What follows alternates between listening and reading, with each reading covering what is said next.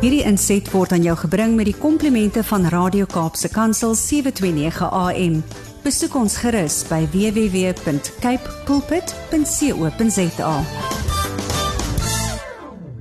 Goeiedag Dimitri en luisteraars. Ek hou vandag twee lekker lees geestelike romans aan u voor. Die eerste een, geskryf deur Karen Kingsbury, se titel is Met my hele hart. Die tweede een, Die Galileërs, is geskryf deur Alexa Stein. Alexa gaan bietjie later in hierdie opname sommer self meer oor die skryfproses vertel. Maar heel eers lees ek die agterblad van Met my hele hart deur Karen Kingsbury.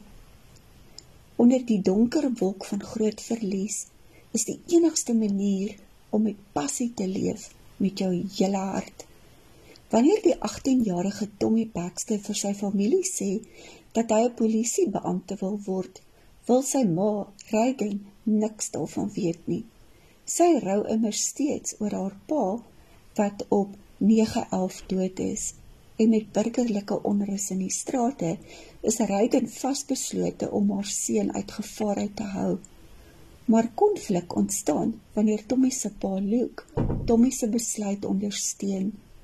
Tommy sou immers 'n goeie en deernisvolle polisieman wees. Intussen is Tommy vir die eerste keer verlief. Sy liefdevolle verhouding met Annelie Miller is amper te goed om waar te wees.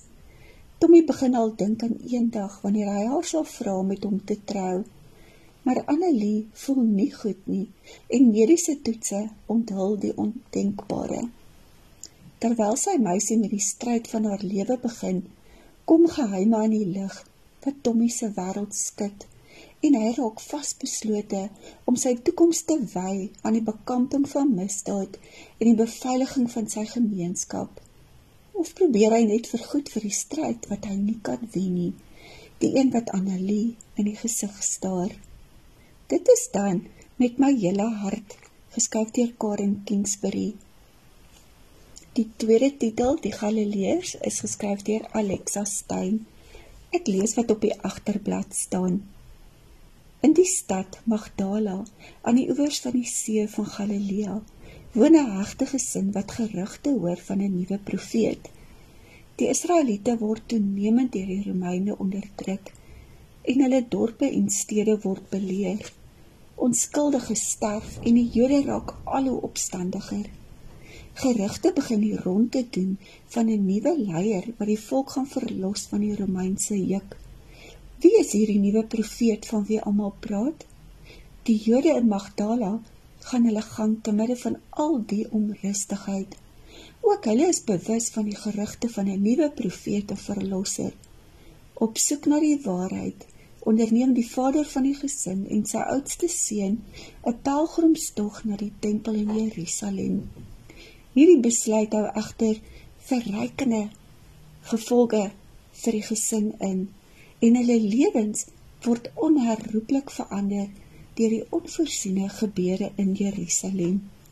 Soos jy sommer kan hoor, 'n lekker avontuurverhaal, maar steeds 'n geestelike verhaal teer en deernisvol geskryf. Ek lees nou 'n stukkie uit die boek.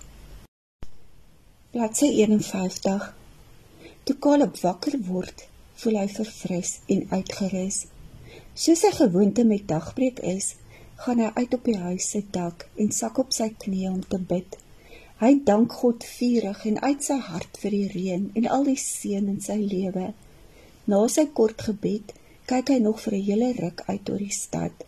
Hy verwonder hom aan die nat stadsmure wat goud verkleur in die eerste daglig. 'n Swerm duwe vlieg oor die stadsmuur in die rigting van die markplein. Enkele swink weg van die swerm en een van hulle kom sit 'n entjie van hom af op die skansmuur van sy huis se dak en begin om sy vere te kam asof Caleb nie bestaan nie. Toe hy die dak se deur toe trek en met die trappe afgaan onder toe, hoor Caleb 'n gewerskaf in die kombuis. Die geur van brood wat in die klein oontjie in die vuurherd aan die bak is, vul die lug. "My vrou, wat maak jy hier?" vra hy verras toe hy in die kombuis kom.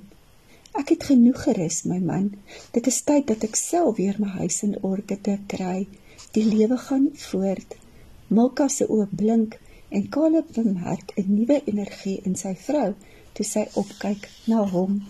Dit is dan 'n stukkie uit Die Galileërs, geskryf deur Alexa Stein.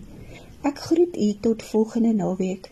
Maar intussen luister ons na Alexa Stein wat vir ons ietsie meer van haarself en oor die boek vertel. Totsiens. Hallo Louise. Dankie vir die uitnodiging om met jou te gesels om jou 'n bietjie van myself te vertel en veral van my nuwe boek Die Galileërs wat pas gepubliseer is. My skrywersnaam is Alexa Stein en sedert ons aftrede woon ek en my man in 'n pragtige aftreeoord in die noorde van die Limpopo provinsie waar ek vir die eerste keer in my lewe werklik tyd gekry het om my passie vir skryf uit te leef.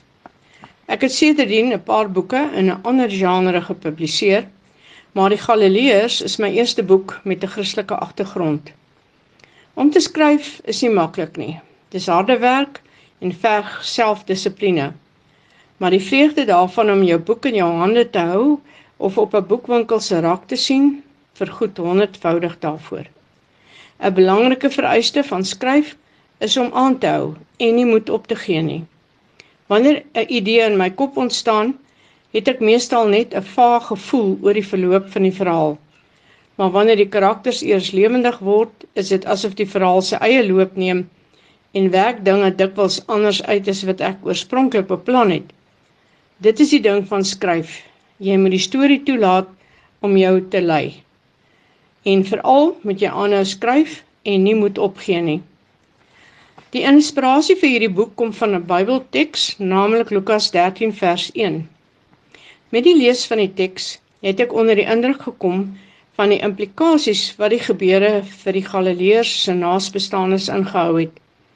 Dit het my ook getref dat sover my kennis strek, daar geen verdere verwysings in die Bybel is na die verskriklike gebeurtenis nie.